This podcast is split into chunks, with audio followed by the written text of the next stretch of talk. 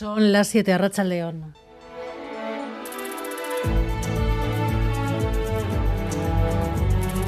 Gambara con Arancha García. Una moción de censura sin candidato que ha servido para que Pedro Sánchez defienda su acción de gobierno y alerte de lo que traería un pacto entre Vox y el PP para que Yolanda Díaz presente lo que pudiera ser el programa de campaña de Sumar y en general para que el resto se sitúe ante las próximas generales.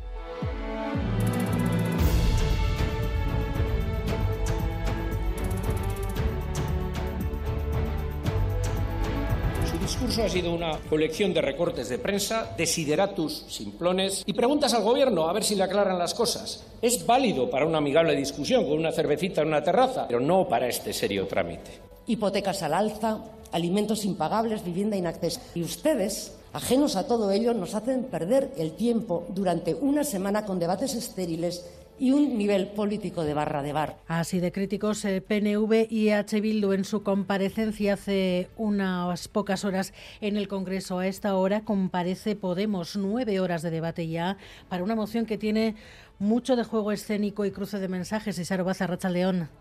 A Racha León. Dinos, ¿cómo ha ido el debate? Ya esta tarde Tamames no ha intervenido, no ha respondido a los grupos, tampoco han tomado la palabra desde el Gobierno. Los grupos han centrado su discurso para criticar a Vox por presentar esta moción de censura por utilizar las instituciones con fines electoralistas. Es decir, la mayoría de los discursos se están dirigiendo más al partido de ultraderecha que al propio candidato que a Tamames. Y advierten al exdirigente del Partido Comunista que Vox le está utilizando, que la moción es un error y el debate está, lleno, está yendo más rápido de lo previsto. Por lo tanto, hoy intervendrán la mayoría de los grupos. El eje argumental de Sánchez Vox alienta el odio y la frustración y el Partido Popular está alineado con la extrema derecha por mucho que hoy nadie en la bancada popular se haya querido hacer notar. Ahora se esconde, entre otras razones, evidentemente porque nadie le imagina a usted como presidente del Gobierno. Así que prefiere que sea otro el que le haga el papelón. Esos que mañana se van a abstener son tan responsables como usted. Digo que es usted un producto caducado, pero también afirmo que hay muchas veces que esos productos aguantan demasiado tiempo en la nevera. Y exactamente para eso hemos puesto en marcha esta moción de censura. En el discurso de Ramón Tamames nada que no se supiera, nada que no se esperara desde que se filtró pactos con los independentistas, memoria histórica son algunas de las cosas que ha echado en cara a Sánchez y una anécdota. Parece que se le ha hecho larga la réplica del presidente. Perdón un momento, señor presidente. Sí, señor Tamames es que usted venga con un tocho de 20 folios. Señor, señor Tamames, no puede usted interrumpir, no puede usted interrumpir cuando el presidente del gobierno está en uso de la palabra. Los papeles que llegan y que hay que aprovechar. Hombre, no, todos los papeles no se pueden aprovechar. Hay que seleccionar los temas porque si no nos morimos, nos morimos en, tres días de, discursos que nos hacemos en, esta, en este hemiciclo tan importante para nosotros.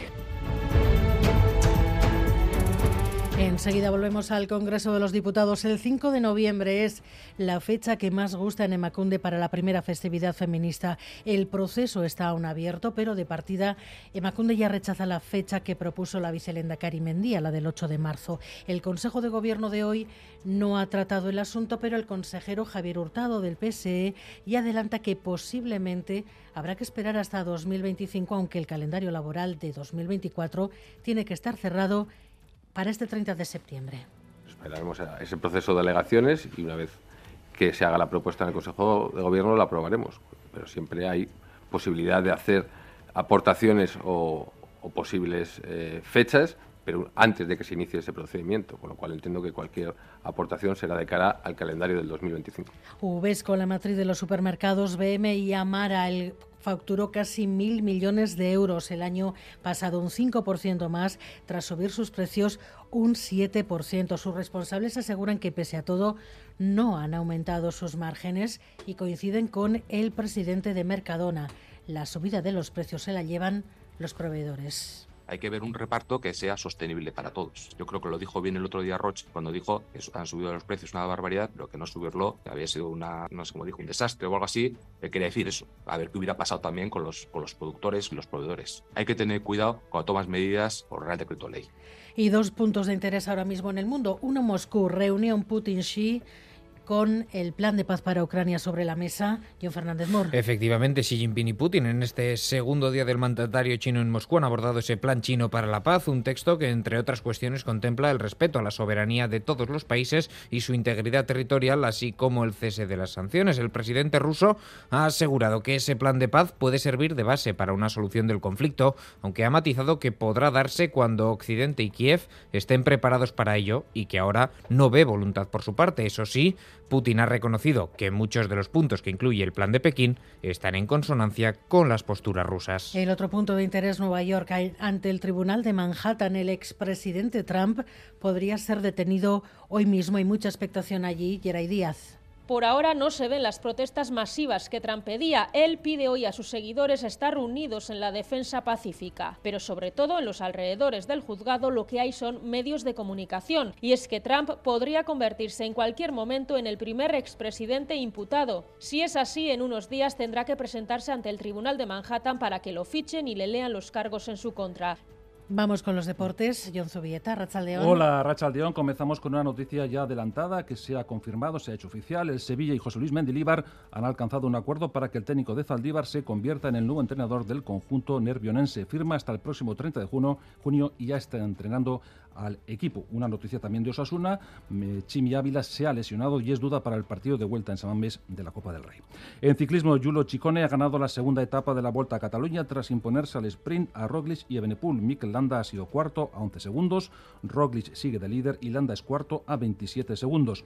En balonmano, el Vidasoa se la juega esta noche en Artalecu, se juega el pase a los cuartos de final de la EHF European League ante un potente Sporting de Portugal y en baloncesto, el Bilbao Basket resolverá el trámite de la Champions League en Miribilla ante Lucan Murcia en el Bilbao Arena.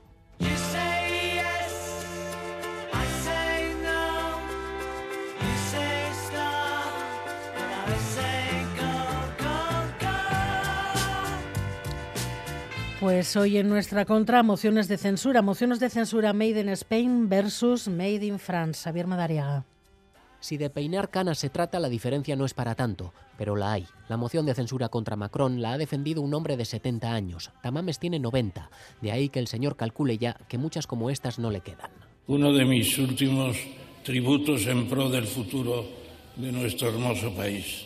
Charles de Courson es un diputado centrista en activo desde hace 30 años. Tamames, comunista ultraderechista, no es cargo electo desde hace 34. Su discurso se ha seguido entre muy pocos aplausos, caras largas y alguna que otra risa. El del francés ha tenido puntos álgidos como este. Intentasteis convencer, pero al final habéis ido a lo fácil evitando la votación.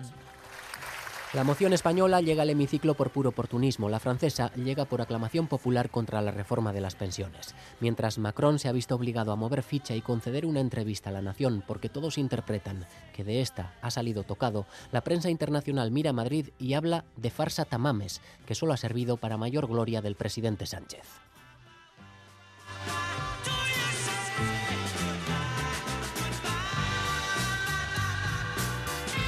Miguel Ortiz y Alberto Zubel ya están en la dirección técnica, Cristina Vázquez en la producción.